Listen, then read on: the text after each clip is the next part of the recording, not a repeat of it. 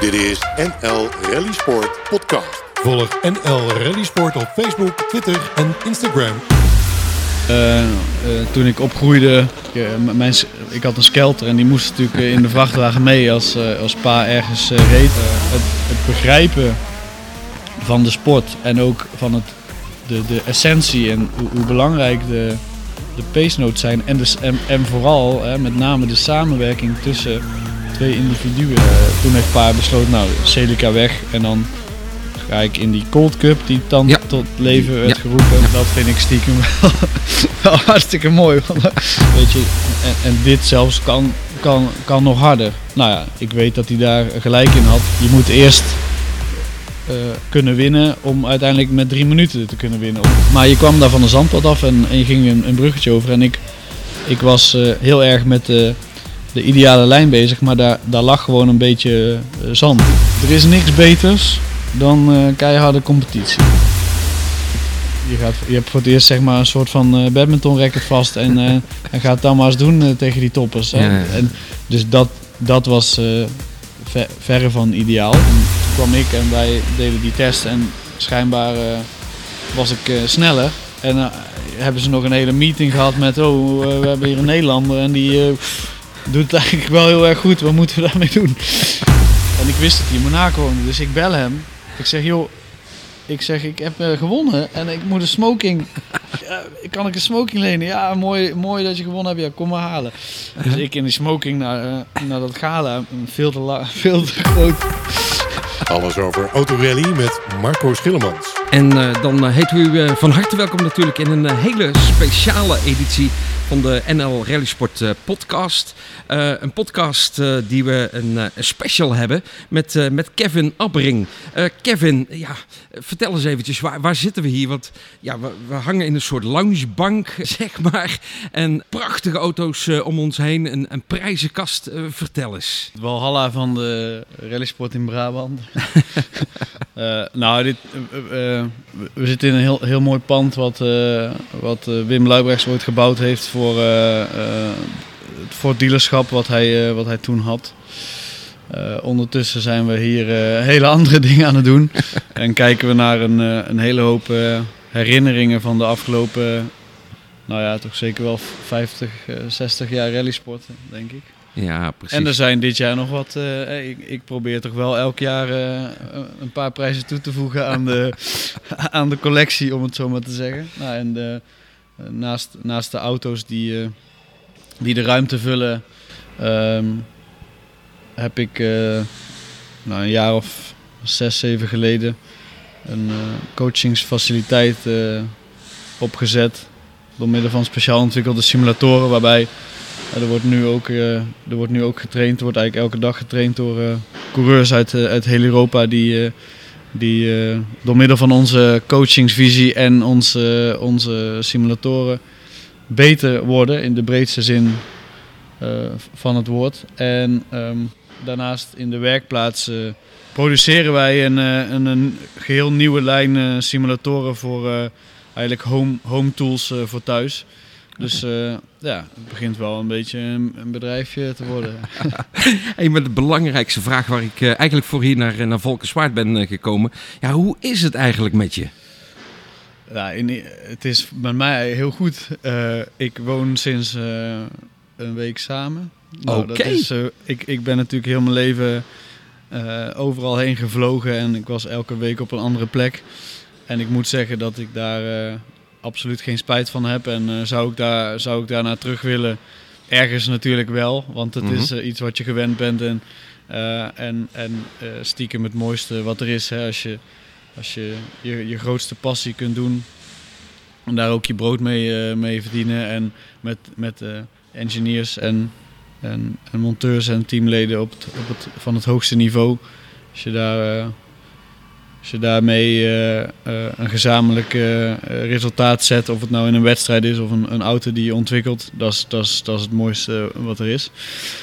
Maar um, goed, dit is ook een mooie stap voor mij. Ja, ja, ja, ja. Maar mag ik vragen met wie dat je bent gaan samenwonen? Met wie? Ja. Linda heet ze. Oké. Okay. Ja. Okay. Ken, ken je vanuit, vanuit de sport of nee, nee, nee, We kennen elkaar wel eh, negen jaar Mhm. nu. En we zijn anderhalf jaar samen. En eh, ja, dus eh, er, was een, er waren een aantal dingen die we niet meer hoefden te ontdekken. Aan de andere kant eh, is, is hopelijk zo'n relatie die je samen aangaat tot, tot, op het, tot op de laatste dag een on- on- ontdekking, hoop ik. Mhm. Maar we, zijn, we hebben allebei een druk leven en ik denk dat dat sowieso een, een, iets, wat, iets is wat bijdraagt aan, aan het, eh, ja, het, het succesvol eh, ehm, hebben van, van, een, eh, van een relatie. Dat je nog altijd je, je eigen ding hebt en, en, en, en niet, kijk, als je, of, of de balans in ieder geval samen een beetje gelijk is. Hè? Dat niet de een thuis zit te wachten tot, Hm. totdat je komt als je allebei iets hebt om, waar, je, waar je je passie en energie in kwijt kan. Ehm, eh, die balans is denk ik wel, eh, wel wat waard. En ook jezelf, hè? jezelf nuttig voelen op je eigen, op je eigen manier om, eh, om een, bij te dragen aan, het, eh, aan hetgeen wat je, wat je dagelijks eh, met, eh, met volle passie doet. Ehm, verder rest ben ik eigenlijk eh, elke dag met autosport bezig. Ik zit eh, niet elke dag in een auto, maar toch nog steeds wel, eh, Ja. wel heel vaak. En het, feit dat ik eh, niet in het Nederlands kampioenschap rij, wil niet zeggen dat ik, eh, dat ik niet rijd. Nee, precies. Komen we zo meteen allemaal nog eventjes op. Maar waar ik even benieuwd naar ben, hè, van, ja, hoe, hoe ben je in de rallysport terechtgekomen? Ehm, ja, voor mij, het beeld wat ik erbij heb, is dat ongetwijfeld via jouw vader gegaan. Via Edwin. Edwin Abbring, zeg maar, ja, verdienlijk rallyrijder, maar ook bij organisatoren, zeg maar, nadrukkelijk betrokken. Is dat ook zo? Dat, dat je zo in de sport gerold? Ehm, ja, en ik werd ook eh, zeker niet gepusht. Eh, eh, toen ik opgroeide, ehm, ja, ging ik. mijn, ik had een skelter en die moest natuurlijk in de vrachtwagen mee als, als pa ergens reed. En nou, die reed dan voornamelijk in Nederland, maar ook wel eens eh, nou, rally, rally Charlemagne, een keer in Luxemburg. En Mhm.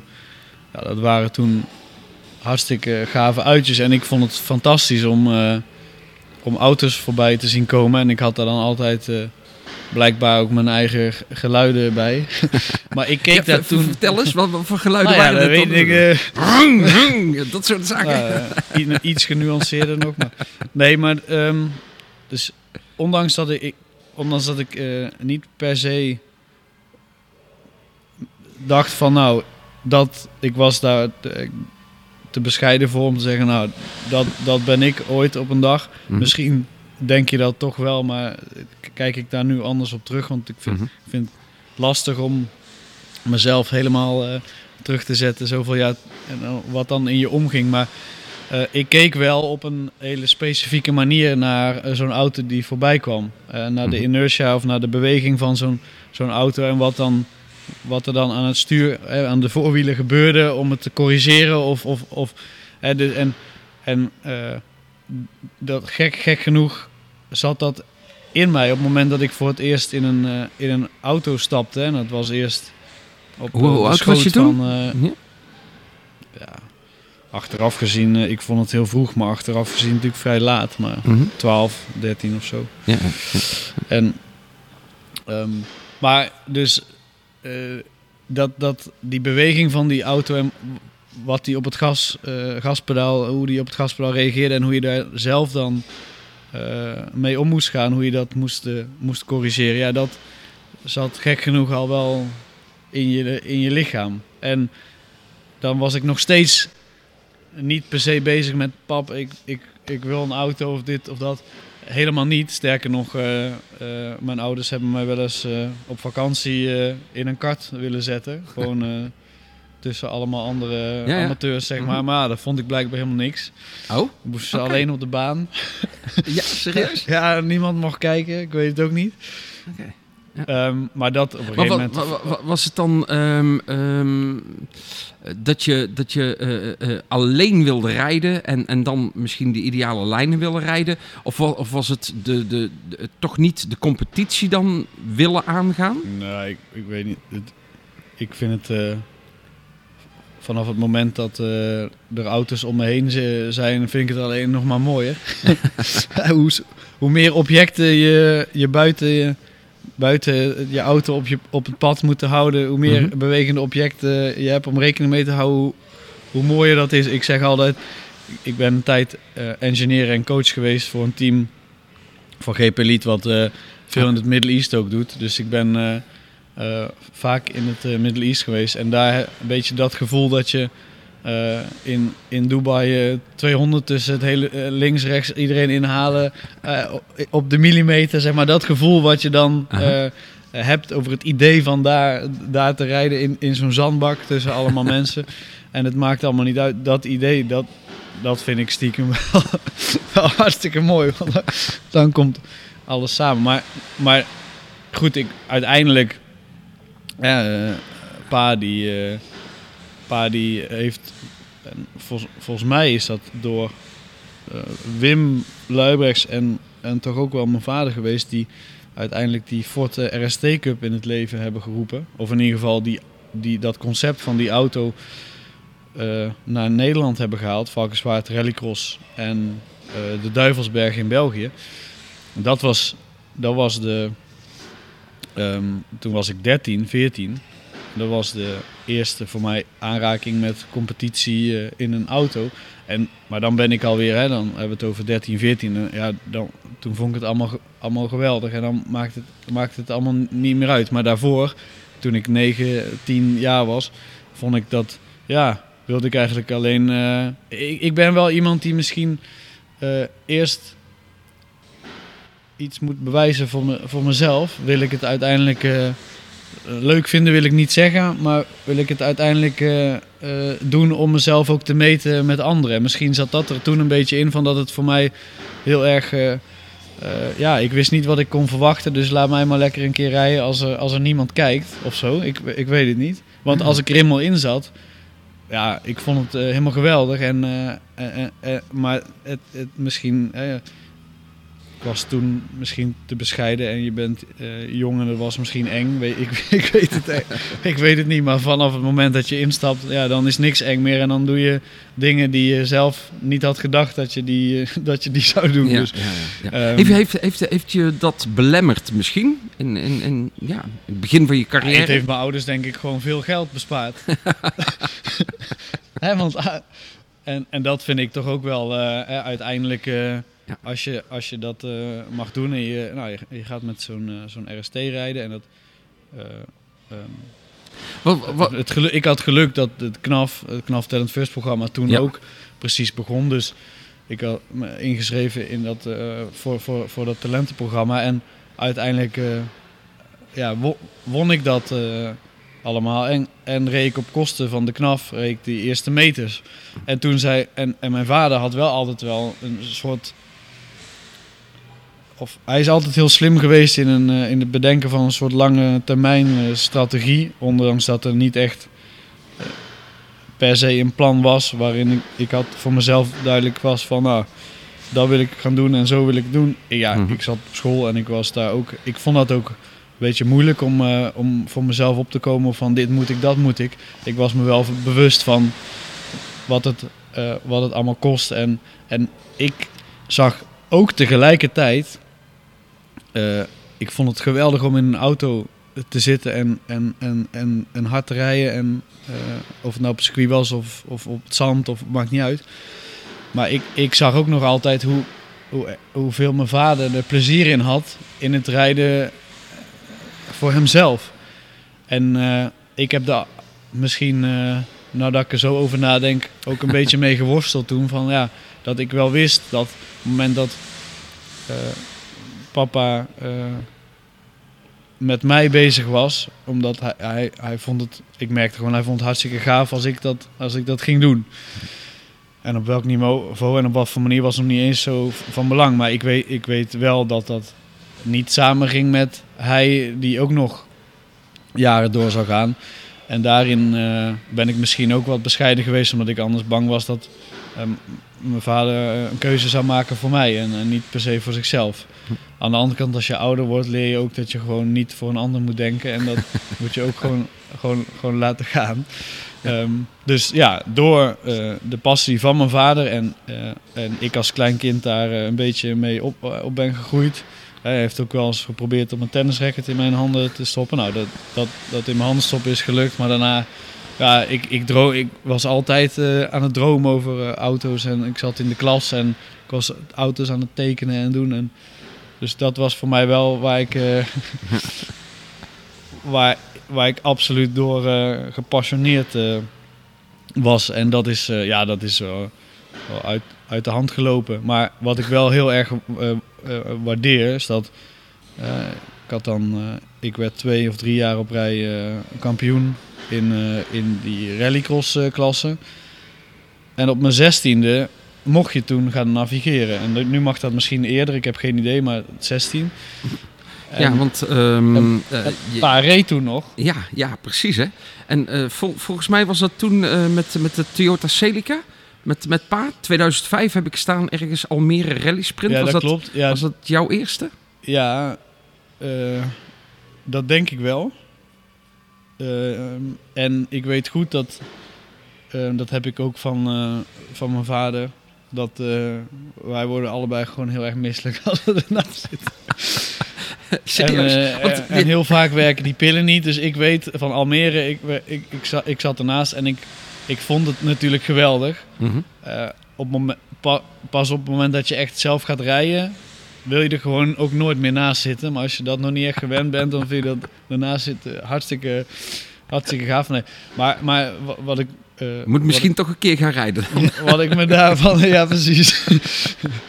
wat ik me daarvan herinner is dat. Uh, ja, ik was zo misselijk en ik had zo'n uh, zo'n kotzak bij en die ja. was lek. En, uh, en Frits van Eert die zag dat, dus die uh, stopte achter ons en die zei... Kev, je moet co cola drinken, cola. En dat werkte uiteindelijk wel. Dus Frits heeft zelf nog, volgens mij zelf nog voor cola gezorgd. dus dat, dat was zo grappig. Maar we stonden echt op punt om, om, om, om niet door te gaan. Maar uiteindelijk vond ik het dan ook wel heel vervelend om om, om zo'n wedstrijd te staken, want het ging hartstikke mooi. Maar wat ik waardeer aan Pa is dat hij ook gewoon dacht van, nou weet je, als, zo, hoe eerder je met die rallysport betrokken bent, het is eigenlijk als rijder heel goed om je één of twee jaar in die, an, eh, in die positie van een navigator te zetten. Dat is super, waardevol geweest. Ja, ja. Um, waar, waarom is dat zo waardevol voor jou geweest? Ja, omdat uh, uh, het, het begrijpen van de sport en ook van het de, de essentie en hoe, hoe belangrijk de, de notes zijn. En, dus, en, en vooral hè, met name de samenwerking tussen twee individuen. Hè, je gaat gewoon een relatie aan met iemand. En uh, ik zag die persoon ook al vaker dan mijn eigen partner. Ja. En uh, ja, dat vertrouwen en, en, die manier van samenwerking. Van, eh, ik, ik denk niet dat ik er uh, wat dat betreft een sneller, beter beeld van kon krijgen dan op die manier.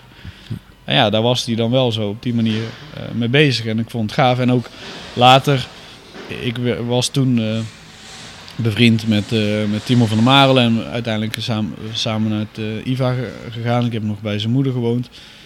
En ik weet dat pa toen ook gewoon uh, uh, een jaar tegen Timo heeft gezegd, joh, rij maar mee, want uh, ja, dat is, als jij dat wil, dan kan dat. Ja. En het jaar, want met die Celica was het dan 2000, 2005, 2005. Ja. En uh, toen heb ik ook, uh, was wel als ik ga, toen heb ik ook met Frans Verbaas nog een keer een, uh, een wedstrijd Dat was, was, was met de... Um, ik denk een nul auto, denk, als ja, nul auto. Ja, ja, ja. En, ja, die had ook machtig mooie auto's natuurlijk. Ah, super gebouwde auto. Ja, en, joh. en ik vond dat wel interessant. Kijk, ik, ik kom helemaal niet uit, uit een garage of ben, ben van thuis uit niet technisch onderlegd, maar die techniek vond ik wel, heeft me altijd wel heel erg uh, geboeid. En later he helemaal als je met engineers uh, werkt Ja. op, op het hoogste niveau dan. En je stelt en je bent gewoon eager om vragen te stellen. Nou, dan kom je heel veel te weten. En dat, dat is later van mega Ja. toegevoegde waarde. Maar ik vond dat Frans was ook, eh, of is, ook gewoon een, eh, een techneut. En iemand die ook wel weet waar hij over, over spreekt. En ik, ik vo- voelde mij eh, vanaf eh, heel, heel jongs af aan al heel erg thuis eh, bij oudere mensen. Dus er waren natuurlijk allemaal mensen waar ik, of, ja, waar ik tegenop keek en die eh, 30, 40 jaar ouder. Maar dat, ik voelde me daar wel, ik vond dat geweldig. Dus ja, met Frans nog eh, een dag eh kei misselijk geweest in de auto, maar wel een leuke, leuke dag gehad. En, en het jaar daarna natuurlijk in die, eh, toen heeft Pa besloten, nou, Celica weg. En dan ga ik in die Cold Cup, die dan Ja. tot leven werd Ja. geroepen. Ja. En dat was voor hem ook een soort van, nou ja, laatste station weet ik niet, maar nou, dan in ieder geval één of twee jaar in, in die Cold Cup en dan auto weg en dan, eh, en dan zien we wel. Ja, ja. Hey, want ehm, je had het, hey, wel, we hebben het nu over het navigeren. Ehm, eh, ik heb even gekeken. Je hebt, je hebt zo'n twaalf keren ben je aan het navigeren geweest, toch? En toch de laatste keer nog eh, met Pieter Tune samen. Kl- klopt dat? Dat je in, eh, er staat hier de Arova Rally Sprint in 2017. Dat je daar toen eh, ook nog genavigeerd hebt. Nee, dat heb ik gereden. Toen heb je gereden. Ja, precies. Ik, ik vond het al zo raar. Al van, eh, want in 2018, eh, toen, stond, eh, toen hebben jullie hem ook gereden. En toen, toen, was, toen was jij wel de rijder. Dus ik denk van, hé. Hey, dus ehm, Nee, ik denk dat toen sprake was. Of, ik heb toen wel eens tegen Pieter gezegd: joh, dat is zijn, zijn thuis rallytje, zeg maar. En, nou ja, in België, of je nou een, een rally sprint rijdt of een rally, dat niveau is daar altijd hartstikke hoog. Maar toen zei ik ook van: joh, die proef, ik, ik wil best navigeren als je, eh, ik wil best een keer navigeren. Maar we zijn, ik begon toen en we konden toen voor de, voor de winst rijden. En ik denk achteraf dat Pieter dat. eh, die had ook gewoon kans gemaakt. Want, eh, kan ook wel aardig sturen, hè? die- ja, ja, absoluut. En alleen dat is allemaal in een tijd gebeurd dat je daar zelf weinig van kan voorstellen. Dus op een of andere manier moet je dan toch wel weer ontdekken of weten hoe. hoe maar Pieter is iemand die, die, die kan eh, ja, fantastisch eh, goed rijden. Eh, dus ja, we waren hier, uiteindelijk hebben we dat niet gedaan en hebben we gewonnen. Ja, precies. Hey, heel eventjes nog terug naar 2007. Want dan ga je voor de allereerste keer zelf rijden. Ja. Ehm, Dat is dan verlengde van het winnen van, Ja. Van Knaf Talent First en het winnen van die, eh, van, eh, van die rallycross eh, klasse. Dan eh, de Tank S-rally in, in Emmeloord. samen met Harmer Scholt-Albers. Ja. Eh, de Mitsubishi Colt. Dan word je 21ste algemeen. Dat is, dat is niet verkeerd in een eerste wedstrijd dat je, dat je zelf rijdt. Als je, als je daarna terugkijkt, hoe kijk je dan daarna terug? Is het zo van, joh, nou, ik stap eens in en joh, ik doe het gewoon? Nee, ik, ehm, wat belangrijk was denk ik, of is voor iemand die, als je ambitie hebt, dat je met iemand eh, gaat rijden die, eh, of je het nou wil horen of niet, maar die er meer verstand van heeft eh, als jij op dat moment. En je moet gewoon goed. En je moet Wil- wilde jij het horen? Ja, ik, ik, ik ben me alleen vanaf het begin ook heel bewust wat ik doe. En ik kan mezelf best wel verbeteren. Toen, toen had ik natuurlijk al wel een beetje een idee van... eh, hè, wat is... Wat, ik, ik heb er in ieder geval heel veel aan gehad. Hè. Ik, ik, had het niet, ik had het niet anders moeten doen. Eh, Niet van nou, ik ga met een vriend rijden die ongeveer even oud is. En dan Mhm. die leercurve is natuurlijk veel minder eh, stijl dan. En dus dat, dat werkt niet. Maar ehm, wat ik gewoon mooi vond van dat seizoen. Is, kijk, wanneer word je of ben je een goede rallyrijder? Als je instapt en dat je de, de risico's weet in te schatten. Waardoor je gewoon op jouw manier met, met nul rallyervaring als rijder. eh, zo in zo'n wedstrijd opbouwt. En uiteindelijk het uiterste uit, uit jezelf op dat moment haalt. Ondanks dat je niet weet waar je staat. Hè? eh, en dat op een manier dat je dat doet zonder, zonder fouten te maken. En, en ook meteen dat competitie-element. Want je rij, hè, dat, dat was een, een, een, een, klas. Nou, een paar reed mee. eh, even Bolderij reed Ja, mee. nou, ja, andere, ja. andere goede namen. En eh, het was daar ook niet even van nou... eh, je hebt talent, je rijdt, eh, je geeft gas en, en, je, en je rijdt een minuut voor de rest uit. Weet je, je moest er wel echt voor werken. En, eh, en dat vond ik het, eh, het allermooiste eh, überhaupt. eh, dat zo'n kijk, eh 21e algemeen, dat, dat, eh, dat was waarschijnlijk heel goed als je keek wat er voor, eh, er voor ons stond. Ehm, maar ja, de, ik, ik kijk ook vooral eh, naar mezelf en hoe, hoe, hoe goed ik vind dat, dat het toen eh, ging. Mhm. Ondanks dat je misschien nog helemaal niet. Eh, ik weet dat Harme, Harme wel eens zei van ja, weet je, en, en dit zelfs kan, kan, kan nog harder. Nou ja, ik weet dat hij daar gelijk in had. En alleen, je, je moet ook, eh, eh, je, je moet eerst eh, kunnen winnen om uiteindelijk met drie minuten te kunnen winnen, om het zo maar te zeggen. Hè. Dus je moet dat ook met stappen doen. Dus natuurlijk weet je dat het altijd harder kan. Een Verstappen die een pole lap zet of Hamilton, wie dan ook, die had ook, eh, het zij duizendste of honderdste harder gekund. Maar eh, je, je doet het wel op een, momen, eh, op een, ehm, een momentopname in de rallysport dat je gewoon inschat dat je met de, eerste kilometer van zo'n proef kom je erachter hoe, hoe snel dat alles op temperatuur is en of het überhaupt op genoeg temperatuur is. Want ja, de, het is niet dat er een, een groen lichtje in je dashboard gaat branden van nou, de banden zijn er helemaal, eh, nu kun je helemaal voor gaan. Nee, dat, zo werkt het niet. En, eh, en daarnaast, ja, ja, je maakt je eerste eh, pace notes. En in hoeverre zijn, kun je daar het, het, het uiterste qua snelheid uithalen. En de pace notes moeten wel een, een, ver- een verhaal vertellen buiten dat ze puur letterlijk aangeven hoe scherp dat, dat de bocht is. De- denk ik. En dat is. eh, dat maakt uiteindelijk, vind ik, eh, of je een, een, een, een rally eh, goed hebt gedaan of niet. Als je aan de start staat en je, en je, je hoort je eigen pace notes. En dan ga ik er even vanuit dat ze op de goede manier worden opgelezen, het goede tempo, Mhm. want dat is natuurlijk ook allemaal niet zo makkelijk. Dat is natuurlijk met alle respect in Nederland iets makkelijker dan, dan, dan in het buitenland. Maar Hm. ehm, als je je eigen pace notes hoort en je kunt, en je hoeft je alleen maar eh, druk te maken om, eh, om te begrijpen eh, hoe, in welke staat je, je auto en je, je banden zijn en, en, en hoe, hoe- snel je uiteindelijk in die proef op optimale bandendruk en temperatuur zit, om het zo maar even te zeggen, om echt hard te gaan. En dat verhaal wat binnenkomt, dat spreekt voor zich, ondanks dat je niet per se weet waar je bent. Want Mhm. daar gaat, dat is eigenlijk een beetje, vind ik het allermooiste van die sport. Je rijdt, zo, je rijdt alsof je eh, eh, eh, het weggetje is dat je dagelijks naar, naar huis rijdt eh, op en neer. Hè, dat je die kan dromen, maar dat is natuurlijk helemaal niet zo. Ehm, dus daar, daarin vond ik het eh, eh, een geweldig mooi resultaat. Want eh, je begint met nul ervaring. Je laat jezelf niet pakken, want het is heel makkelijk om, om op zich te gaan rijden of denken, ah, die kan vast wat harder. Maar je, je moet daar erachter komen, eh, eh, de, de, de auto even verliezen en er dus achter komen van, oh, dat was te veel van het goede.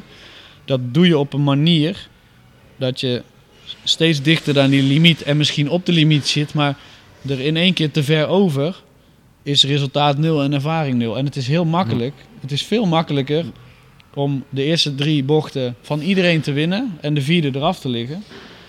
Als eh, tegen jezelf te zeggen, ja, het zal wel kunnen, maar je, moet het toch eerst even ontdekken. Je moet het, ook die sensoren in je lichaam, je moet het gevoeld hebben. En naarmate je meer wedstrijden rijdt, kun je ook veel beter inschatten wat jouw, jouw starttempo is en wat de auto überhaupt kan in koude staat en in, in warme staat. En de balans en hoe die balans verandert.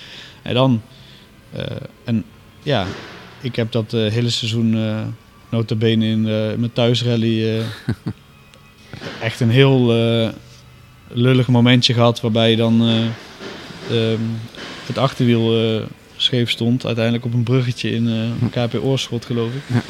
En dat de rest van het jaar, eh, dus kampioenschap binnengehaald en de rest van het jaar eh, eh, niks meegemaakt. En dat, dat vond ik... eh, Is dat dan misschien net even die gretigheid? Toch, toch thuiswedstrijd? Nee, stom. Nee, nee, nee, eh, stom. Want eh, Hoort er ook bij, hè? ik ja, dat hoort er zeker bij. Maar je kwam daar van een zandpad af en, en je ging een, een bruggetje over. En ik, ik was heel erg met de, de ideale lijn bezig, maar daar, daar lag gewoon een beetje zand. Ondanks dat het asfalt was. En dat was gewoon stom. Ik ben. Ik, vind.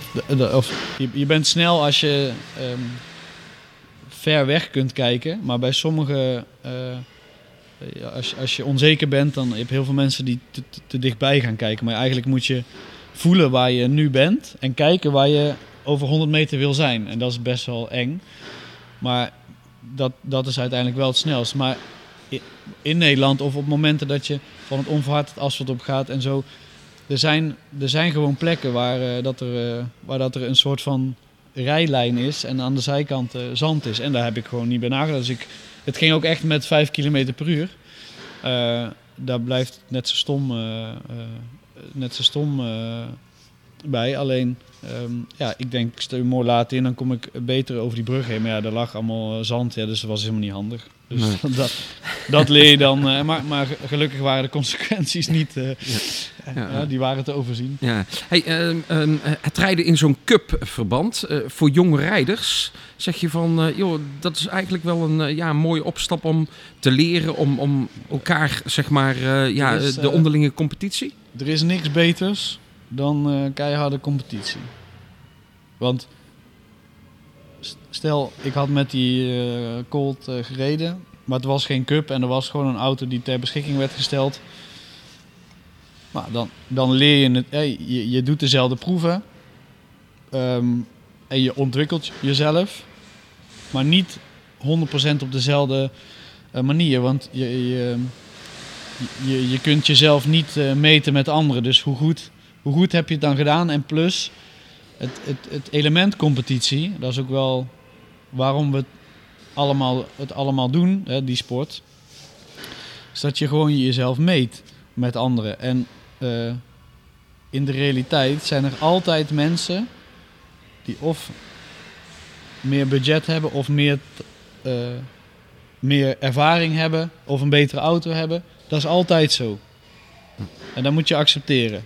Maar als je dan eh, mentaal sterk bent of weet hoe je met die druk om moet gaan, kun je een wedstrijd managen. En dan, hè, dan kun je drie proeven winnen en dan die vierde verlies je ineens vijf seconden. En dan, ja, dan is het moment waar het telt. Dat je denkt, godverdomme, die vijf, die vijf seconden die moet ik eigenlijk de volgende proef terug. Nee, zo werkt dat niet. Je moet op die manier doorgaan. Iedereen zit met, het, met, met dezelfde druk en, en hetzelfde, dezelfde manier van managen. En als jij de eerste drie proeven of vier proeven wint, het zij maar met één seconde per proef, ja, die heb je in je zak. En dan doet iemand anders op een andere proef iets een stuk beter. Ja, dat je niet, het is heel vervelend als je niet per se weet waar die secondes liggen. Maar dat wil niet zeggen dat je ze allemaal meteen moet willen vinden in de volgende proef.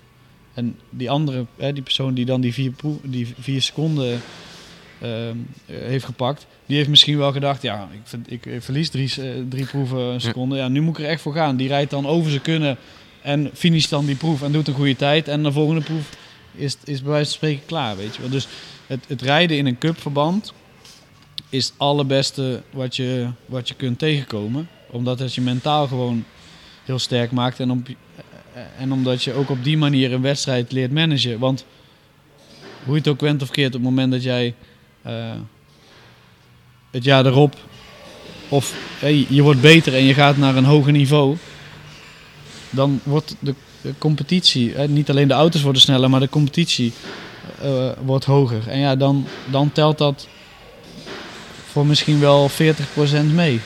Het, is, het is stiekem ook een veel, men, veel... Het mentale aspect in deze sport is ook veel groter dan men misschien denkt. Maar dat is met tennis eh, ook bijvoorbeeld. Hè? Ik bedoel, de sport is immens me- mentale. eh, waarom is het heel moeilijk om elke wedstrijd even goed te zijn? Omdat je elke wedstrijd maar weer tegen eh, diezelfde of andere mensen moet spelen en het spel wat je speelt constant anders is. Want jij bent misschien, win je, win je de, de, een rally de eerste proef, win jij. En de volgende rally die je doet, start, je, eh, start iemand anders beter. En dan is het in je hoofd weer, weer, heel, weer heel anders. En eh, dat is- dat is- dat is gewoon heel belangrijk. Uh, Cuprijden dus, eh, dus belangrijk, zeker in het begin van, eh, van jouw carrière, eh, zeg maar. Eh, als je dan gaat kijken vanaf ja, dus dat eerste jaar en dan zeg maar eh, ja, de stappen die je gemaakt hebt, ja, die, die zijn wel enorm geweest. Eh, ja, en dat had te maken met het feit dat mm, wij, ik reed één jaar in Nederland en daarna reed ik meteen het junior WRC. Dus het, eh, het WK voor twee uur lang gedreven auto's. Dat was natuurlijk verre van ideaal. Alleen wij kregen alleen onder die voorwaarden subsidie van het NOC-NSF. En dat was voor ons dan een makkelijke keus. Hm. Maar als je kijkt naar een OG, eh, een LUB, die hebben echt gewoon vijf, zes jaar in eigen land achter de schermen heel veel gereden. Mhm. Dan ook nog op proeven die misschien een iets andere moeilijkheidsgraad hebben. En die, die beslagen ten ijs gaan die, gaan die beginnen. En ja, je begint eigenlijk heel je... en Je, doet, je, gaat, je hebt voor het eerst zeg maar een soort van eh badminton racket vast en, eh, en gaat dan maar eens doen eh, tegen die toppers. Ja, ja. En, dus dat, dat was ver- verre van ideaal. Maar het was zoals het was. Als je dan eh, gaat, eh, gaat kijken, dan eh, de ontwikkeling eh, zeg maar daarna, dan, dan gaat het in één keer helemaal ja, ontzettend snel. Ehm, ja, dat is zeker waar. Ik, ehm, ondanks dat, eh, dat we onszelf echt aan het ontwikkelen waren. En uiteindelijk samen met MCC Sport uit uh, Veghel, die nou natuurlijk die, eh, Ja. die, die Delta's bouwen en andere hele mooie groep, groep B-auto's. Hebben we onszelf heel snel eh, ontwikkeld, maar toch maar binnen de kilometers die, je- die, die je krijgt. En wel meteen op, de op main stage, om het zo maar te Ja. zeggen. En nou, uiteindelijk jongste eh JWRC-winnaar ooit op dat moment in Polen. Ook in Portugal. Gewonnen en een keer, een keer twee. Dus ja, hele, hele mooie dingen gedaan toen in een korte tijd. En wat je, ik ook goed merkte is dat als er een WK-rally was waar de proeven nieuw waren voor iedereen. Mhm. Ja, dan maakt het niet zoveel uit dat wij met zo'n zwaardere R3 reden en dat, we, dat er andere mensen meer ervaring hadden. Dan zag je echt, hè, in, ik weet nog goed, in, eh, in, eh, in Ierland in 2009 werd een WK Rally. Nou, die telde voor ons ook mee. Ja, ik, ik kon ineens voor die eh, Super 1600's blijven, Ja. omdat je gewoon dan als rijder het verschil maakt. En dus je ontdekt wel heel veel, heel, heel snel en heel veel over jezelf. En waar dat je st- sterke punten liggen en zwakke punten liggen. En ehm, ik reed, of wij reden toen ook eh, de European Clio Trophy. En dat waren allemaal uitdagende wedstrijden in, in Frankrijk ook. Eh, niet alleen in Frankrijk, maar ja, die competitie daar. Hè, en je hebt het er straks over cup eh, rijden. Ja, dat zijn gewoon... eh, Ja. 30 eh, auto's en alleen maar grote namen die Chris Prinsen deden to- toen ook mee. En, ja, daar, daar word je wel. je leert heel veel van dat soort wedstrijden te rijden, maar in combinatie met mensen die hetzelfde materiaal hebben, die meer ervaring hebben en die gewoon echt, echt go- goed kunnen, kunnen rijden.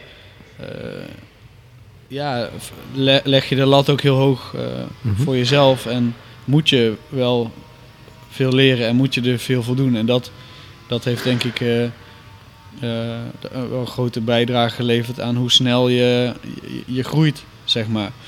Ehm, nou, en daarna... kijken, waar zijn we dan? 2010, 2011? Dat is zoiets. Ehm, heb ik in eh, Citroën eh Frans onverhard kampioenschap gewonnen. Dat was toch altijd wel bijzo- bijzonder als je... eh, Ja. ja. Als Nederlander, hè? ja. dat, was, dat was mooi. En dat was eigenlijk nog maar dan het eigen begin. Want Ja. later werd... ik, dan, eh, vol- door vol- het kwam eigenlijk zo dat 2011 reed ik voor eh Philip Bugalski. En nou, die is helaas uit zijn eigen appelboom gevallen en overleden een paar jaar terug. Maar die, dat is natuurlijk een grote naam geweest, vroeger ook in het, eh, in het WK Rally. En hij heeft voornamelijk met eh, de Citroën Kitcar hele, hele goede dingen gedaan voor Citroën. En konden ze toch vaak op asfalt al die WRC's eh, pesten toen. Hè, want dat waren auto's Ja, net als die 306 Maxi Mhm. die echt gebouwd waren voor asfalt. En een WSC is natuurlijk gebouwd op, eh, nou, die moet op alles eh, moet die hard gaan. Maar dat, dat, dat was dat, dat was een mooie tijd. Maar die, ehm, en hij kende Carlos Sainz natuurlijk goed. En Philip eh, heeft een keer gezegd, joh, ik heb hier een Nederlander, die moet je, ja, daar, moet je een keer mee praten. En, en, Carlos, die zat toen bij Volkswagen met Dakar. En ik weet dat ik eh, een brief heb geschreven naar Volkswagen Motorsport. Met daarin eigenlijk van ja, jullie hebben vast geen idee eh, wie ik ben en dat is ook helemaal niet belangrijk. Maar ik wil eigenlijk gewoon laat, laten zien wie ik ben. Maar niet echt wat ik doe, maar gewoon wie ik ben. Ik kan wel zeggen, ja, ik ben eh, Kevin Holm, ik kom uit Nederland en ik ben heel snel. Maar de, ja, zo was ik ook zo en ontvangen ze misschien niet, wel eh tichtbrieven. nou dat, nou, dat was ook precies de, de eerste vraag die ik uiteindelijk eh, toen kreeg van, eh, van Chris Nissen. Maar, dus, maar, maar Carlos heeft dat toen wel een beetje opgepakt en bij eh, Chris Nissen gelegd, die toen ehm, het, het team eh, leidde voor Jos, eh, voordat Jos Capito kwam. Nou, en ik mocht eh, komen tijdens WK Duitsland. En eh, toen zat ik daar met, eh, tegenover Carlos, Chris Nissen en, en Pieter Uthoff. En Pieter Uthoff was de, team, de teammanager toen. En dat was inderdaad de eerste vraag. Zeg, nou, dat is allemaal leuk, maar wij hebben hier eh, 200 man, dus wa- waarom moeten we jou, waarom moeten we überhaupt naar jou gaan luisteren? Ja. Ja. Dan slik je wel even van, Ja. Gaat dat zo? En ik weet wel dat ik, ik ging daar met, eh, met pa heen. En eh, uiteindelijk, eh, ik had een, een uur of zo, was ik weg. dat was in hun teammanagement vrachtwagen. En ik, ik kwam daaruit en ik zei tegen pa, ik zeg joh, ik heb echt geen idee wat het gaat worden. Maar ik heb wel echt mezelf als persoon kunnen laten zien. Want ik, heb als, ik kwam daar zonder manager aan en dat is natuurlijk een, een hele andere, kunnen we nog een paar uur over praten of dat, of dat een manager, eh, als ik die wel had gehad, of dat nou beter was geweest of niet. Maar op Mhm. dat moment, het feit dat ik daar kwam, alleen ik, heeft denk ik ook wel ergens geholpen. Of dat heeft dan ook wel zijn, zijn Misschien charme om het zo te Verschil gemaakt? Ja, dat weet ik niet, maar ik zei tegen pa, joh, ik heb in ieder geval eh, dat hele gesprek, eh, dat begon best wel kil, maar dat heb ik best wel om weten te draaien. En, eh, en was het een heel, eh, ja, een heel fijn gesprek. Nou, en, dat leidde tot eh, een, een mail die ik uit, of een belletje van, van die ik kreeg van, joh, wij willen jou gewoon, wij willen jou wel de, de kans geven om een keer met ons te testen. Want ze waren dat jaar al met de Skoda Super 2000 wat WK-wedstrijden aan het rijden om uiteindelijk een WRC-team te beginnen. Dus die waren al met de monteurs die routine aan het opbouwen en, Ja. en, en sowieso het team samen te stellen. En eh nou, mocht hij dat doen. Een graveltest. ja, ik heb nog nooit op gravel gereden. Ja. Maar ja, weet je, als je kunt rijden, maakt het allemaal niet zo heel veel uit. Je moet wel echt goed, ja, goed leren begrijpen wat je taak die, die dag is. En Ja. dat ding eh, op zijn dak eh, leggen was zeker de taak niet. Dus ik kwam daar aan en ik reed toen met Lara. eh, Lara van Nesten. ja, want we werden samen Frans kampioen met, met Citroën, hè, met, die, Mhm. met de DS3, R3, Frans gravel kampioen. En dat was wel grappig, want die test ging hartstikke goed. En ik wist natuurlijk, ik wist niet helemaal waarop ze letten, maar wat ze, wat ze ook vooral eh, bijzonder vonden is dat mijn, mijn, hoe ik mijn gevoel uitte in iets, eh, iets technisch en iets eh, va- vatbaars voor zo'n engineer om daar mee, mee, te, mee te werken. Om, om dan uiteindelijk zo'n auto beter te krijgen. Je kon, ze, je kon ze zeg maar helpen, echt. ja, maar ook, ook je. ehm, kijk, niemand weet als jij. Of het nou met een, eh, WRC is of met een Formule 1 auto die je op, dan, eh, op een rallyproef zet of op het circuit zit. Niemand weet wat de setup moet zijn. Maar je hebt een, hey, door middel van data en ervaring heb je een bepaalde base. Zo begin je. Maar als je niet als rijder en engineer. Kijk, een engineer moet je ook voeden om het uiterste uit zijn kennis en capaciteit te halen om, eh, om de auto juist te kunnen afstellen op, op de ondergrond die, die, die je voor je kiezen gaat krijgen. En dus er is nog altijd, een, en dat zal altijd blijven, een, hele, een heel verschil tussen wat op papier klopt en in de realiteit uiteindelijk klopt. En als je een goede sensor hebt die in de auto zit, een rijder hebt, Ja. eh, dan, dan kom je samen eh, veel verder. Ik denk dat dat ook eh, een kracht is van bijvoorbeeld Max in de Formule 1. Die, die is denk ik ook gewoon heel sterk in het, het, het activeren en blijven motiveren van de mensen om zich heen eh, in de goede richting eh, te leiden. Om, om uiteindelijk wel te zorgen dat eh, de auto is zoals die moet zijn. En zeker, je hebt het, ja, we hadden het net over cup racen, maar ook al op het hoogste niveau in de Formule 1 of in het WK maak je ook alleen maar verschil als, je, als, als alles helemaal klopt. En een auto is nooit, en dat is een andere discussie, maar een auto is ook nooit 100%. Je kunt niet de perfecte auto hebben. Ehm, maar dat ging hartstikke goed. En eh, ik dacht, ik, ik wist ook niet, eh, ik, ik, nou, ik zeg niet dat ik maar wat deed, maar dat op gravel vond ik, eh, nou, ik vond dat geweldig. Maar ja, of dat nou, hoe snel ik was, geen idee. Nou, en toen mochten we vervolgens in, in, in hetzelfde jaar, 2011, ehm, in Wales met die Super 2000 te rijden. Nou, en we werden beste in mijn allereerste rally op gravel werden we beste niet WSC. Dus we werden elf- tiende of elfde algemeen. Voor Hayden Padden. En eh daar waren toen namen waar ik Ja, nou ja, zeg niet iets van gehoord heb. Maar dat zijn Mhm. mensen die nogal wat eh, hè, bereikt hebben. En, eh, en ook grappig, dat weten niet zoveel mensen. Ik eh, had net daarvoor of net daarna ook een eh, test gehad met eh, het WK-team van Citroën met de DS3 WSC. En daar wist ik eigenlijk helemaal niet waarom. Ik dacht dat was een soort cadeautje van omdat ik het Frans gravel kampioenschap won.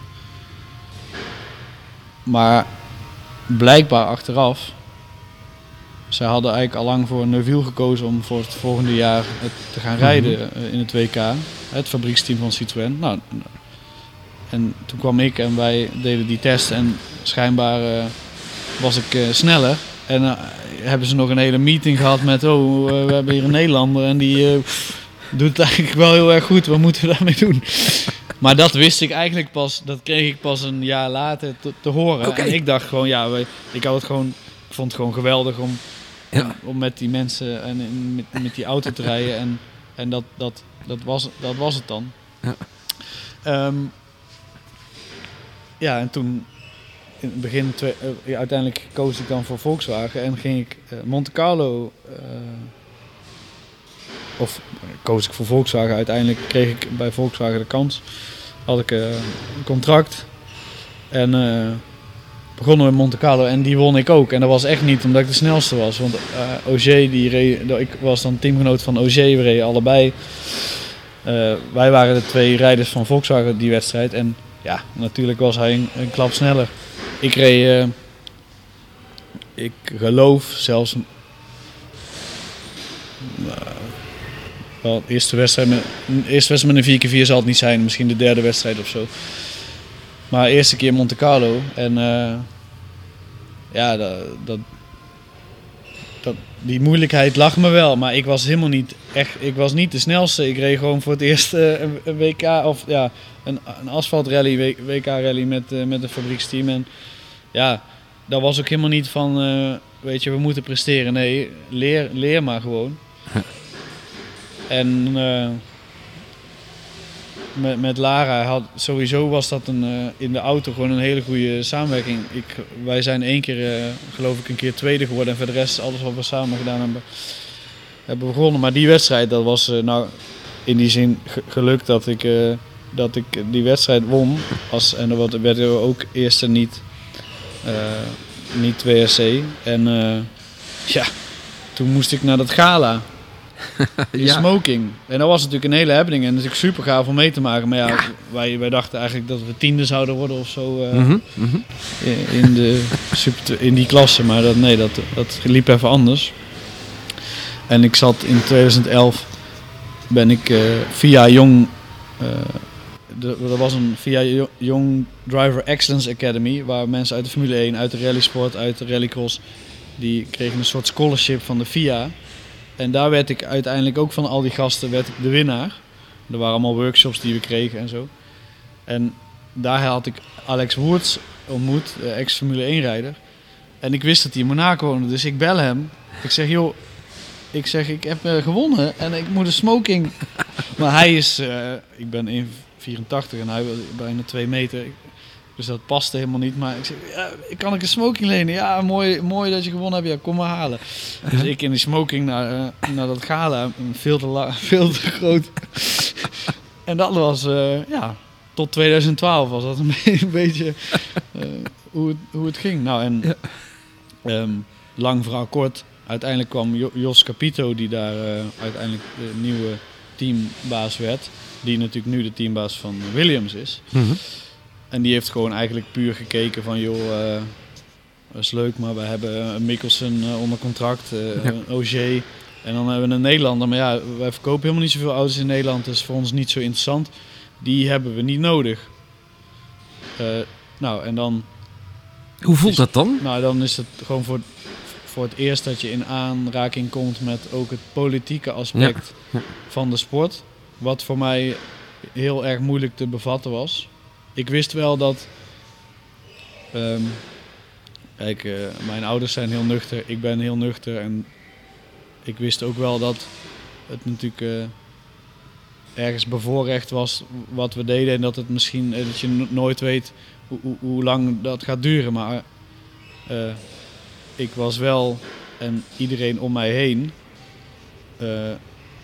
wat we deden met de ervaring die we hadden was super bijzonder en echt wel onderscheidend ten opzichte van eh, de meeste eh, concurrenten die, die, die ik toen eh, had. Dus ik begreep gewoon helemaal niet waarom, waarom dat als je iemand hebt die, die misschien sneller of even goed is, maar met minder ervaring dan, dan de andere mensen die, je- die je in je portfolio hebt, om het zo maar te zeggen. Dat daar dan toch gekozen werd eh, voor eh, wat het meest interessant zou zijn eh, qua marketing of qua, ja, qua, eigenlijk qua inkomsten voor zo'n team. Op dat niveau had ik dat echt niet verwacht. En dat was. ik, moet, ik, had het, ik had dat best wel la- lastig gehad en ik heb later in mijn carrière nog een paar van dat soort momenten eh, gehad. eh, waar je dan wel makkelijk mee leert dealen, maar begrijpen doe je het, doe je het dan niet. En dat maakt, maakt het eh, wel wat lastiger. Maar ik vond het sowieso als het, toen ik één of twee jaar reed, eh, voel, merkte ik mensen waar je die, die het eerst geweldig vonden wat je, deden, eh, wa- wat je deed, ging je, had je ineens mensen die achter je rug om eh, vervelend over je gingen praten. En daar begreep ik ook niks van, want ik dacht van ja, weet je, ik, ik hoef niet per se met iedereen vrienden te zijn, maar ik kon met iedereen goed opschieten. En waarom zijn er dan ineens mensen die jou niet meer gunnen of die raar over je gaan praten? En later ga je, als je wat ouder wordt, begrijp je dat dat, eh, dat is dan toch of, of een beetje jaloezie of afgunst of wat dan ook. En dan moet je je dan overheen zetten. Maar dat, ja, dat heeft wel een paar jaar geduurd voordat ik dat eh, voor mezelf eh, kon doen. En nu denk ik van ja, nu ben ik daar in die zin heel makkelijk in. Mensen eh, die, ze- die zeggen toch wel wat ze vinden of, of eh, zonder daar überhaupt over na te denken. Of, er, wordt gewoon heel, heel veel gepraat. En ja, nu gaat dat echt, echt langs me heen. En, en kan ik misschien zelfs, en dat bedoel ik niet zo, maar kan ik daarin misschien heel nonchalant of arrogant overkomen. Maar weet je, ik word er niet beter van om me daar, om me daar eh, druk om te maken. En het is, niet zo, het is misschien moeilijk om in te schatten, maar als je echt op het hoogste niveau meedraait, veranderen er gewoon heel veel dingen. Mhm. Op het hoogste niveau meedraaien. ehm, is dat bijvoorbeeld de periode met eh, Hyundai geweest? Ja, nou, Vo- Volkswagen toen al natuurlijk Mhm. een beetje. Daarna 2013. Want dat met Volkswagen stopte abrupt. En zonder eigenlijk ook vooraankondiging. En dat was het einde van, het einde van dat seizoen. Dus ineens had ik niks. Nou, toen heb ik geluk gehad dat Pieter Vinken, een Belgische navigator en ondernemer, Mhm. zegt heeft, joh, ik geloof in jou. Eh, laten we iets gaan doen. En wat dan binnen het budget viel, dat was eigenlijk net die Peugeot Academy. Nou, toen ging ik in een R2 rijden. Nou, ik kwam vanuit een 4x4 en zo'n R2 daar had ik Ja. Nooit mee gereden. En, en niet van dat ik dacht, ah, dat moeten we niet doen. Nee, je moet dan soms een stapje terug. Alleen het niveau is niet per se lager. Je rijdt tussen mensen die daar weer gewoon Ja. veel ervaring mee hebben. Nou, dat was een eh, Lefebvre. Ja. Nou, uiteindelijk eh, dat, eh, dat kampioenschap tegen Lefebvre en nog andere Fransen gereden. Wij wonnen dat uiteindelijk. En dat was ook bijzonder, want ja, als je van tevoren zou bekijken op papier, waren de kansen niet 50-50. Maar ook dat gewoon su- super eh, goed, goed gedaan. Ook omdat je denk ik eh, gewoon gewend bent om eh, vanaf het begin altijd hoge competitie te hebben. En dat, dat helpt dan toch wel. En dat veranderde in die zin best een hoop. Want omdat ik dat won, was mijn prijs dat ik voor Peugeot het Europees kampioenschap ging rijden. En Br- Brien, Greg Green. die was de, de- dat werd de teamgenoot. En niet omdat hij die cup had gewonnen, maar eh, die, die kocht zich, ik denk, deels in of zo. Maar dat was, dat is ook Mhm. gewoon, hij was toen, toen ook al een snelle rijder. Nu is, nu is hij nog, nog veel sneller. Maar... En eh, in 2014 hebben we dan Europees kampioenschap gereden.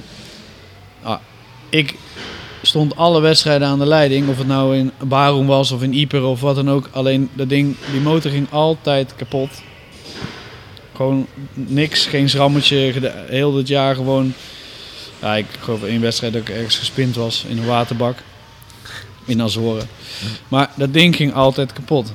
En, toen, en dan, dan hoop je ook van ja, oké, maar ja, hebben mensen dan wel gezien hoe eh, goed je bent. En toen was de, de grap was, ja, Peugeot die was natuurlijk ook een beetje, die vond het ook niet lekker dat, eh, dat ze eigenlijk alle wedstrijden op, op, het, op het niveau zaten dat ze moesten zitten met, met, met ons, met, eh, met, het, eh, met, met mij, met Brien, met, met de auto. Maar ja, die de, de reliability was er gewoon niet. En toen zeiden ze, en ik, iedereen dacht eigenlijk dat ze Brien zouden vragen, maar Peugeot, de baas van Peugeot, Bruno, zei: Kev, je moet het nog even voor jezelf houden, maar we willen WK Frankrijk doen, want we hebben gewoon een goed resultaat nodig. En we willen dat met jou doen. We hebben gezien de resultaten en jouw snelheid.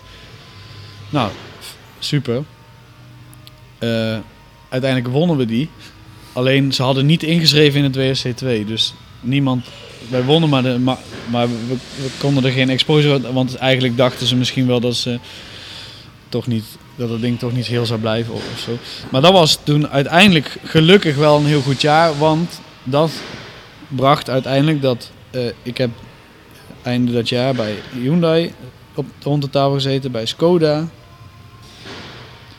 En eh, Peugeot wilde ook wel door, maar goed, dat was, dat was geen optie, want ja, wat heb je aan een auto die eh, kapot gaat. En dat toen voelde Hyundai als de, de juiste keus. En dan moet ik zeggen dat ehm, ik heb daar gewoon heel erg. Ik heb de kans gekregen om veel voor het team te werken, met hele goede mensen gewerkt.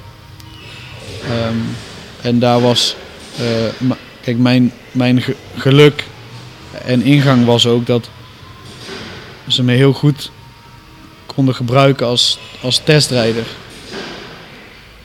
En ja, in zo'n team wordt er zoveel getest. En er was toen ook, hè, er moest een R5, ont- dat was later zelfs nog, er Ja. moest ook een R5.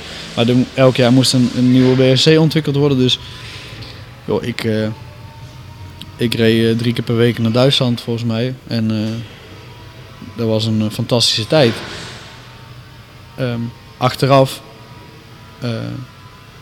en dat is misschien politiek, maar dat is voor, voor- hun, zij hadden goede rijders.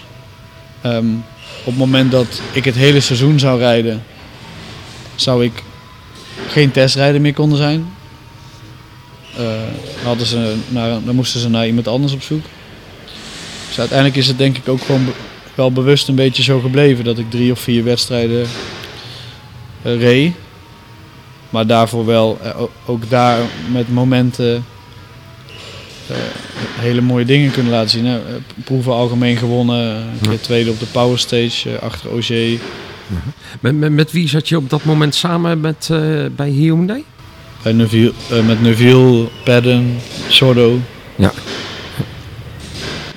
De namen eigenlijk die nog steeds ja, aan, Ja. aan 2SC verbonden zijn. Ja. Ja, Hayden Pannen natuurlijk, eh, eh, ja, die, die toch weer wel een beetje weer terug probeert te komen. Ja. Dus, eh, Ah, die, kijk, die. we hoeven het niet over te hebben over.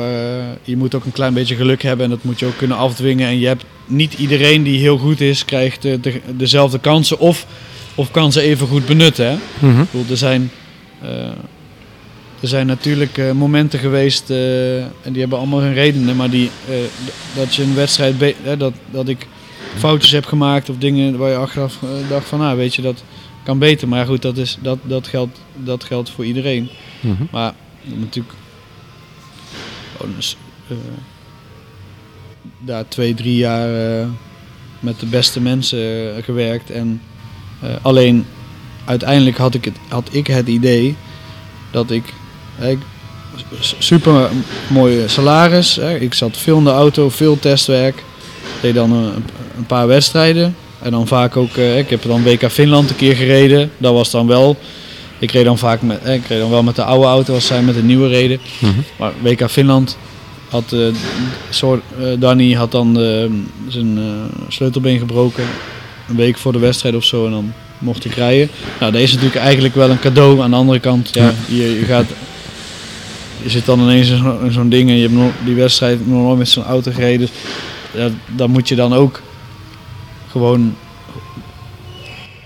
zien als leren in plaats van nou nu gaan we eens even tijd. Maar met momenten in een wedstrijd eh, probeer, ik, probeer natuurlijk wel altijd je, je kansen te pakken. En waar ik het meest eh, van, van baal is dat toen ik eh, tweede stond in Corsica, dat, dat ik dat niet af eh, heb kunnen maken. Want we hadden gewoon, eh, ik had gewoon op het po- het podium eh, geëindigd. ja, ja. Met een, eh, ja. En dan, ik was op dat moment ook de snelste Hy- Hyundai in moeilijke omstandigheden en zo.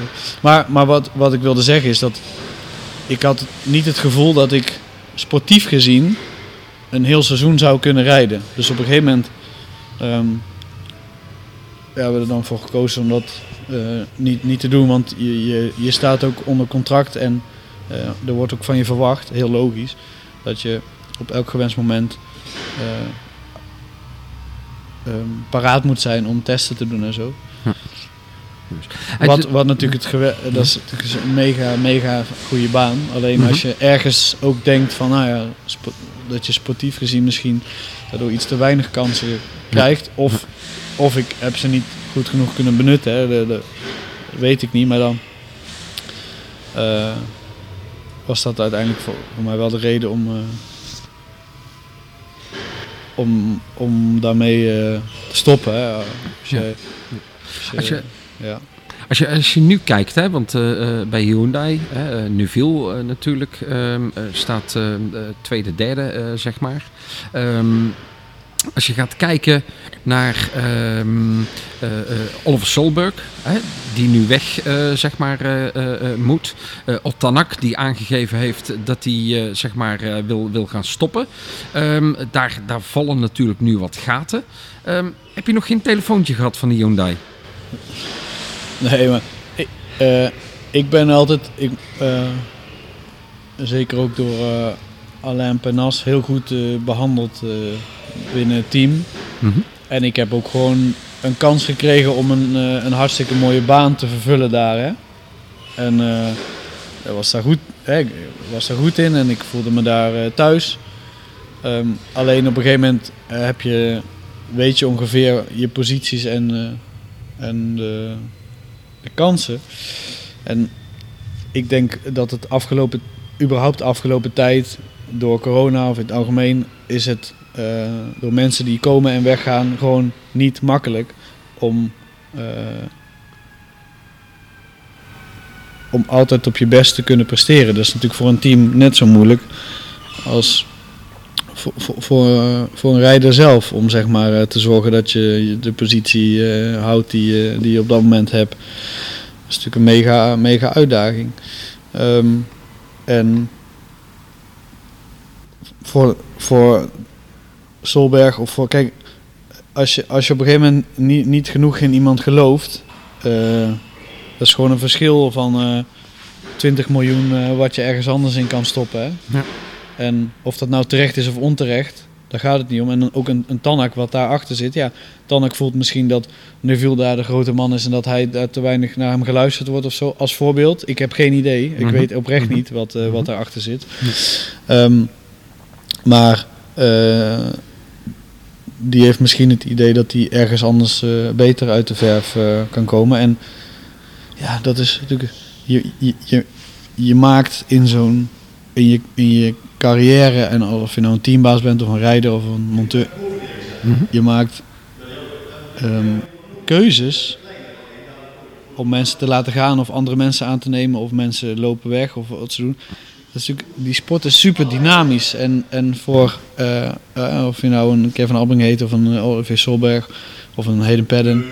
Het is natuurlijk een heel onzeker leven als je puur alleen je op de, de sport richt. Want je, je bent net zo goed als je laatste wedstrijd, maar op dat, op, op dat hoge niveau moet je ook altijd wel om, over je schouders kijken. Of, of als je het gevoel hebt, en net zoals van Tanak, dat hij dat hij misschien niet helemaal op de, op de juiste plek zit. Ja, ik, die keuze die hij nu maakt. Hij zal ongetwijfeld denken dat hij eh, ergens anders beter, eh, eh, ja, beter tot zijn recht kan komen. Maar dat is ook gewoon een, het blijft wel een sprong in het diepe. Want Ja. Tanak is ook al drie of vier keer van team, Ja. team gewisseld. En, ja, dus, Als je, als je gaat kijken, hè, ehm, eh, wat is eigenlijk over jouw carrière die tot nu toe is geweest? wa- Wat is voor jou je hoogtepunt geweest? Mm, nou, het- ik vind in het algemeen, het, Frans, als je kijkt eh, tegen wie dat altijd geweest is, in, in het moment dat ik zonder hè, dat met één jaar rijden in Nederland en daarna het Mhm. WK, als je ziet dat in het algemeen hoe, hoe snel dat eh, we ons ontwikkeld hebben en eh, tijdens het leren eh, toch eh, jong, jongste JWSC-winnaar ooit. Frans gravelkampioen. Die Peugeot eh, R2 eh, kampioen. Eh, kampioen word je door het hele jaar eh, het beste te presteren. hè. En, eh, en dat is niet, niet vanzelfsprekend. En dan zitten er natuurlijk ook wedstrijden bij waarin je gewoon misschien met de nood zit te kloten en, en, gewoon, en, en, en, en niet het podium of die winst pakt. Ehm, en ook de Europese Clio-trofee dan ook gewonnen. Dus is En dan kan je zeggen van ja, Monte Carlo of, of, of eh, Wales wa- waren Mhm. hele mooie, eh, mooie dingen. Maar eh, dat zijn, voor mij zijn het meer momentopnames. Kijk, uiteindelijk is je doel gewoon om, om wereldkampioen te worden. Nou, dat is niet gelukt en ik geloof niet dat dat gaat gebeuren. Daarin... ehm, eh, alleen dat moet je dan ook op een gegeven moment accepteren. En dan kijk ik vooral... ik kijk ook graag heel ver vooruit ook, maar... Eh, ik kijk, eh, eh, als, ik terug, als ik dan terugkijk naar wat we tot nu toe gepresteerd hebben, zijn het wel de momentopnames in dat jaar met de ervaring die je op dat moment hebt en de prestaties die je dan levert. Ofwel in een, in een, in een wedstrijd of over het hele seizoen. Ja, dat, dat maakt voor mij, dat geeft mij voldoening. Ik weet hoe, hoe dat mijn ervaring stond ten- tegenover anderen en wat, eh, wat de prestatie, hè, hoeveel, dat, dat, hoeveel energie je hebt moeten steken in een bepaald resultaat. En dat, dat maakt, eh, eh, dat vind ik veel mooier dan, eh, dan acht keer eh, eh, Nederlands kampioen worden bijvoorbeeld. Alleen, dat wil niet zeggen, ik wil niet zeggen dat dat vanzelf gaat als je meedoet. Eh, en dat, eh, alleen, en dat betekent ook niet dat ik niet graag in Nederland rij. Want ik vind het geweldig. Ik heb in, in, in, in, in, in Hellendoorn, ondanks dat misschien eh, dat, het, dat de tegenstand daar. Ik, ik moest het niet van de tegenstander hebben, maar ik heb het fantastisch naar mijn zin gehad daar. En ik zou het zo weer doen. Dus ik kan ook van die dingen heel erg genieten. En ja, als ik een auto zou hebben, zou ik het hele seizoen rijden. Maakt me echt niks, niks uit. Ik, eh, de competitie maakt, maakt je gewoon beter. En hoe meer je rijdt, hoe, hoe, hoe beter dat is. Maar het zijn, ja, het zijn los, losse uh, momentopnames. En ook in het overkoepelend dan, dat je zonder zak geld eh, bij een Volkswagen bent gekomen en ja. uh, bij Hyundai en Peugeot. Dat, uh, dat zijn dingen die als je in Nederland geboren wordt en dan kiest voor de, de, de, de, de rallysport. Ja, dat is niet eerder gebeurd en daar mag je dan ook trots op zijn. Ja, als, ik dan verder terugkijk, had je er meer uit kunnen halen. Ja, achteraf is mooi wonen, zeggen ze dan. uh, natuurlijk zijn er dingen die, uh, die, die je beter kan doen als je het nog een keer doet. Maar dat geldt voor iedereen en het, zou ook, het is ook niet raar om op die manier soms ook terug te kijken en relativeren. En je moet daar ook uit leren. Je moet ook elke dag weer een, een betere of snellere versie van jezelf zijn. dat is mooi, mooi gezegd hoor. Hey, waar ben je nu vooral mee bezig? Zo, nou, twee dingen. Autosport uh, uiteraard. Um, ik heb een aantal 24 uur wedstrijden gedaan dit jaar. Um, een aantal uh, rallies met, uh, met Delta, met een Lancia Delta in dit geval. Zoals de meesten in Nederland wel, zullen weten. dat krijgt ook zeker nog een, een vervolg. Um, een aantal projecten. een, een, elektrische Le Mans auto ontwikkeling met een studententeam. Wel eens echt een serieuze auto. De bedoeling is ook dat uh, die auto Le Mans gaat deelnemen. Een elektrische Dakar-auto die ook op waterstof wordt, wordt doorontwikkeld. en ja, wat dingetjes die op de achtergrond lopen. Dus ik ben eigenlijk altijd wel met teams bezig om auto's af te stellen en, en, en door te ontwikkelen. En daarnaast door de, de, de mensen waarmee ik omringd ben. Uh, en dat is ook een stukje uh, wat mijn coachingsbedrijf doet, kom ik zo op terug. Krijg je, blijf je altijd wel in competitie en kom je in zo'n Porsche terecht voor een 24 uur. En, ja. en, en dat zijn hartstikke mooie dingen. Nou, dus e-, enerzijds de, de, de autosport, anderzijds... Ik heb vanaf mijn zeventiende altijd graag gecoacht. Ik ben uh, begonnen bij het bedrijf uh, ProDrive, wat ooit door Paul Maaskant is opgezet. Werd ik eigenlijk min of meer door uh, Simone Krieger voor de groep gegooid. Ga het maar doen. Nou, en um, dat coaching ging al vrij snel naar specifieke autosportcoaching. En ik heb um, lang geleden een simulator voor mezelf ontwikkeld.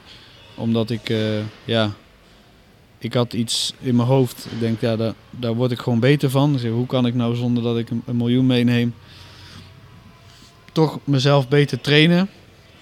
In het maken van notes, in het rijden aan zich. Ben ik naar de Universiteit van Delft gegaan. Die hadden ook al iets. Die hadden eigenlijk de hardware wat ik nog niet had, met het idee eromheen ik kon daar mijn ei kwijt, heb ik daar uh, wat ontwikkeld. Um, en daarna, ik had toen al heel snel het idee van, nou oké, dan zijn dit de mogelijkheden en dit kan er allemaal nog. En toen ben ik dat voor mezelf gaan doen. En toen dacht ik, ja, als ik mezelf daarmee kan helpen, dan kan ik daar anderen ook mee helpen. En dat is ontstaan, uiteindelijk is het bedrijf Motorsport Emotion ontstaan. En wat wij doen is uh, we hebben een, een trainingsfaciliteit, uh, waar ik net ook al uh, iets over zei, waarbij we um, coureurs, het zij rally, rallyrijders, rallycross en ook circuitrijders, zo goed mogelijk begeleiden in, het, in hun loopbaan en, wat hun ambitie dan ook is. We pakken ze op waar, waar, waar, ze, waar ze op dat moment staan en nemen ze mee in de, in de, in de potentie die, um, die, ja, die bij hun naar boven komt. En die potentie is ook een, is een traject waar je achter komt. Hè. Wa- wat, wat de potentie van die persoon is. En dat zijn mensen die op het hoogste niveau eh, Porsche Cup rijden. eh, of mensen die eh, eh, in een BMW 325i klasse rijden op het circuit of Mhm. in de rallysport om die beter te Ma- maken. ma- En- mag, mag je daar wat namen in noemen bijvoorbeeld? Eh, nou, Larry, Larry ten Voorde bijvoorbeeld is een klant van ons. Maar die, wat, wij, wat, we, wat we doen is, we eh, faciliteren die trainingen met coaches. Maar we creëren ook en ontwikkelen ook onze eigen eh, content binnen die software. Dus wij maken heel veel auto's en eh, banen helemaal zelf. En eh, ik zelf programmeer eh, 20 tot soms wel 40 uur per week. Om door middel van data uit de realiteit ehm, het verschil tussen virtueel en realiteit eh,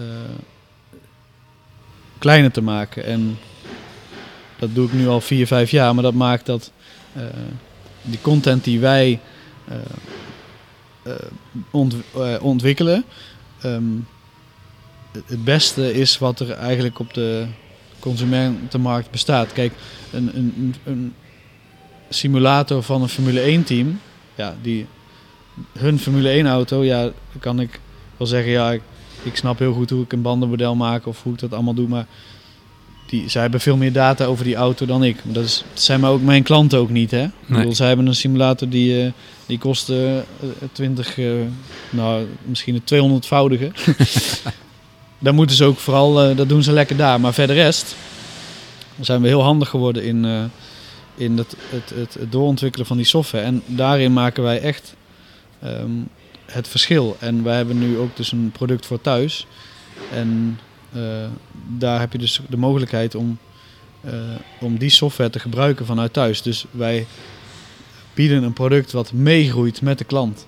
Mhm. En eh, dat is uniek. En wij bouwen dan zelf hier ook onze eigen producten ondertussen helemaal in-house. Dus we doen alles hier in Valkenswaard. En dat is, dat is waar ik me misschien wel ehm, in, in, initieel ongewild. Hè, op het moment dat je minder rijdt, heb ik meer tijd gehad om, om het bedrijf verder op te bouwen. En dat is dan misschien ook hoe, is, hoe het moest zijn. Want uiteindelijk heb ik altijd dat stukje coaching eh, gedaan en doe ik de coaching zelf eigenlijk minder en minder, waardoor ik me kan, eh, vooral kan focussen op de ontwikkeling van het bedrijf en de groei en ontwikkeling van die software. Want een aantal aspecten daarvan zijn toch dingen die ik niet kan overlaten aan iemand anders. Mhm.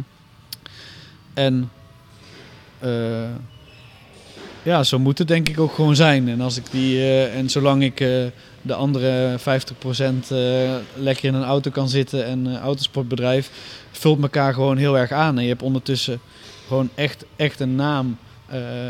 We zijn, wij maken geen leuke speeltjes voor mensen thuis, maar wij maken echt het verschil. En wij bieden een trainingstoel wat, wat, wat meegroeit Mhm. Ehm, met de klant en dat, dat is gaaf. En als ik, als ik dat verster wordt versterkt als ik ergens op het circuit rij of ik rij een wedstrijd, dan haal ik daar weer een business uit. Ja. En, en andersom, dus dat is Ja. mooi. Hey, ehm, want het geluid wat we hier op de achtergrond horen, eh, Ja. er is nu iemand, eh, is, is, is een simulator bezig. Dus wa- wa- eh, wat is je nu aan het doen hier in, in Valkenswaard? Nou, deze man die is zich aan het voorbereiden op een, een wedstrijd in Portimao. Mhm. Eh, rijdt met een eh, Lamborghini. En ehm, ja, het doel is eh, om voor hem, hij is nu, we trainen nu twee, drie jaar samen. Hij is twee jaar kampioen in, in de gentleman's klasse. En ja, zo goed mogelijk beslagen ten ijs komen voor in dit geval een circuit wat, waar hij nog nooit eerder geweest is. En je dus- kunt straks met, eh, eh, met, met de, hoe de auto geprogrammeerd is en de baan, hoeft hij buiten het, wennen aan de snelheid, hoeft hij alleen maar te doen wat, wij, eh, wat we hier voorbereiden.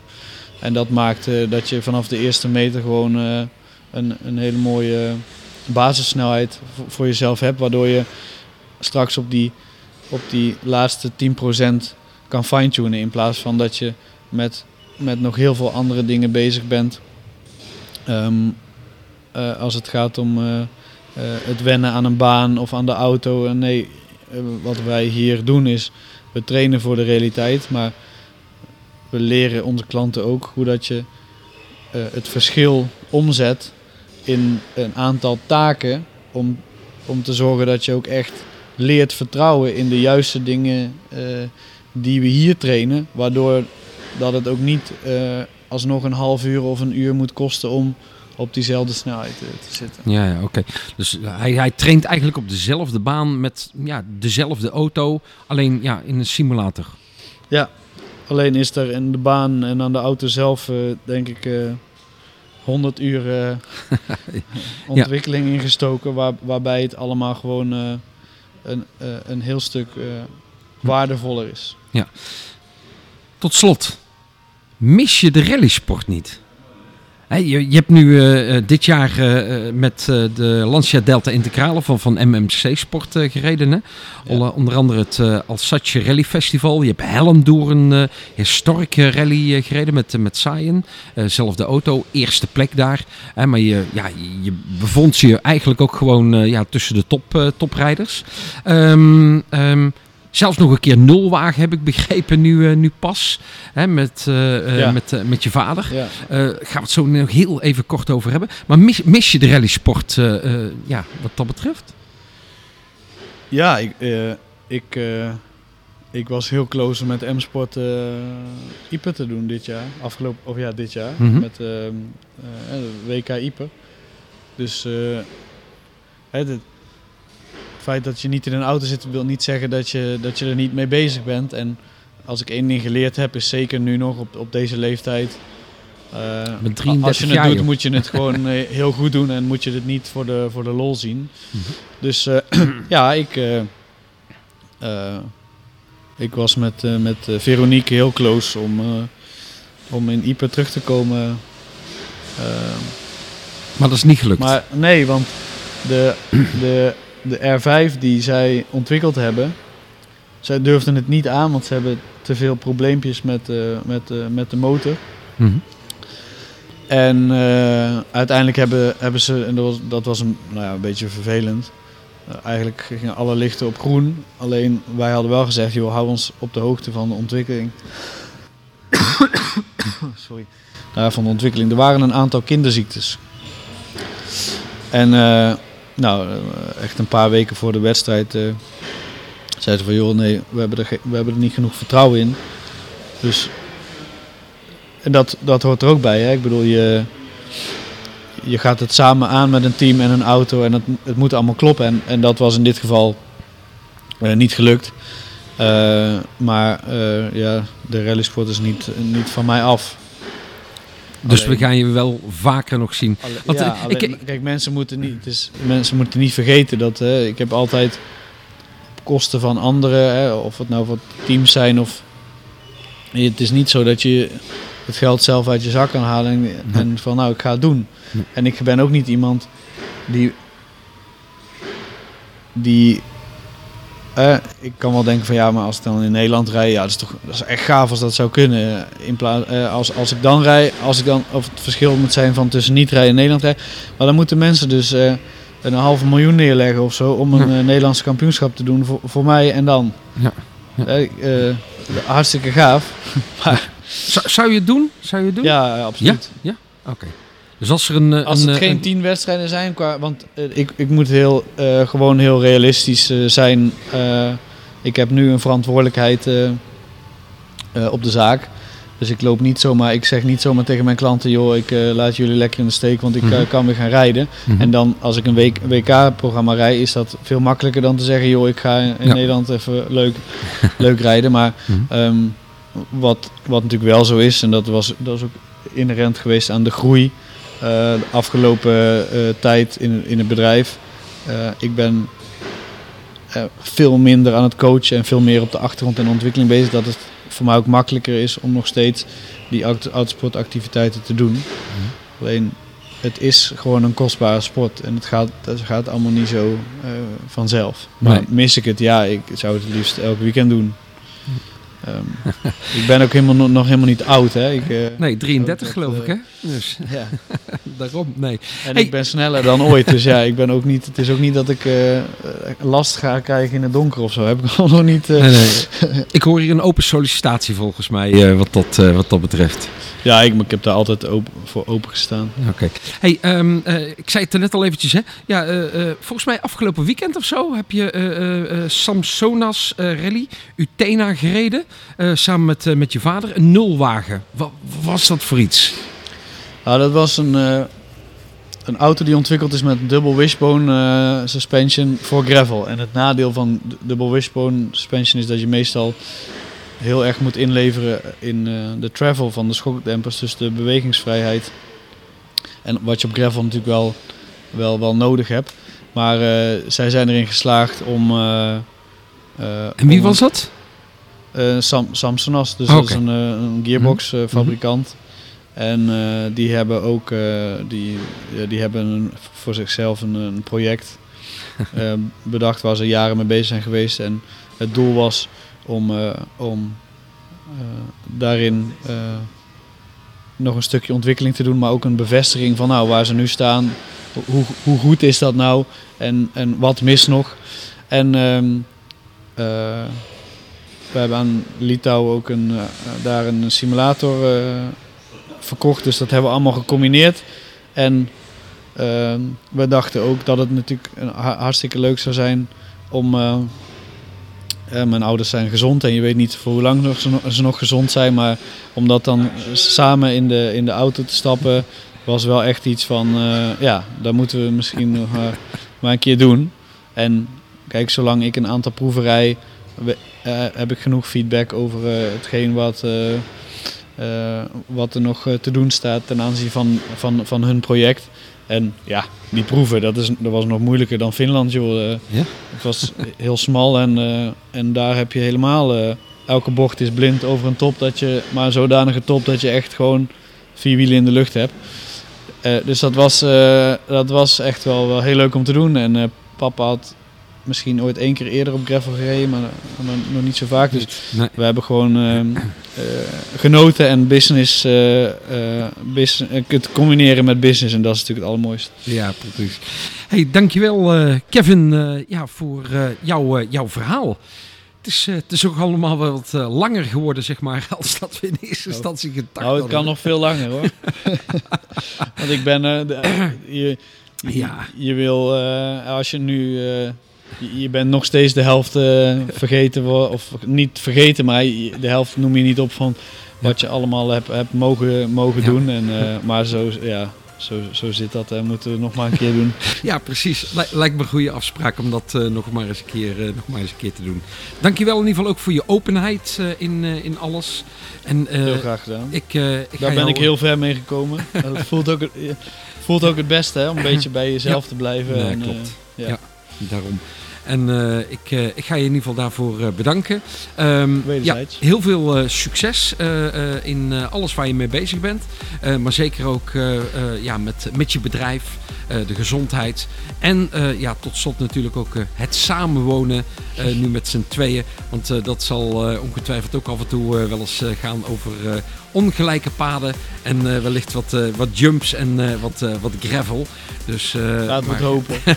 Daarom, het, moet, het moet ook vooral leuk blijven, hè? Ja, en spannend. Absoluut. Dit is NL Rally Sport Podcast. Ja, wa- wat een bijzondere plek dat we hier in, in Zoelen zijn. Marco Schillemans. Eh, de mensen om me heen die noemen mij eh, gepassioneerd rallyverzamelaar. Ja, hoe kwam dat dan dat je daar die passie eh, eh, zeg maar in zag? Nou, dat was begin 1975. Toen zag ik de, de, de beelden van de Monte Carlo op televisie. En daar raakte ik geïntrigeerd. En zodoende zijn wij, heb ik in die nacht heb ik een beslissing genomen van... Nee, dat is echt serieus. En ik stond 's morgens op. Ik zeg tegen Ron, ik ga allemaal bouwdozen verkopen.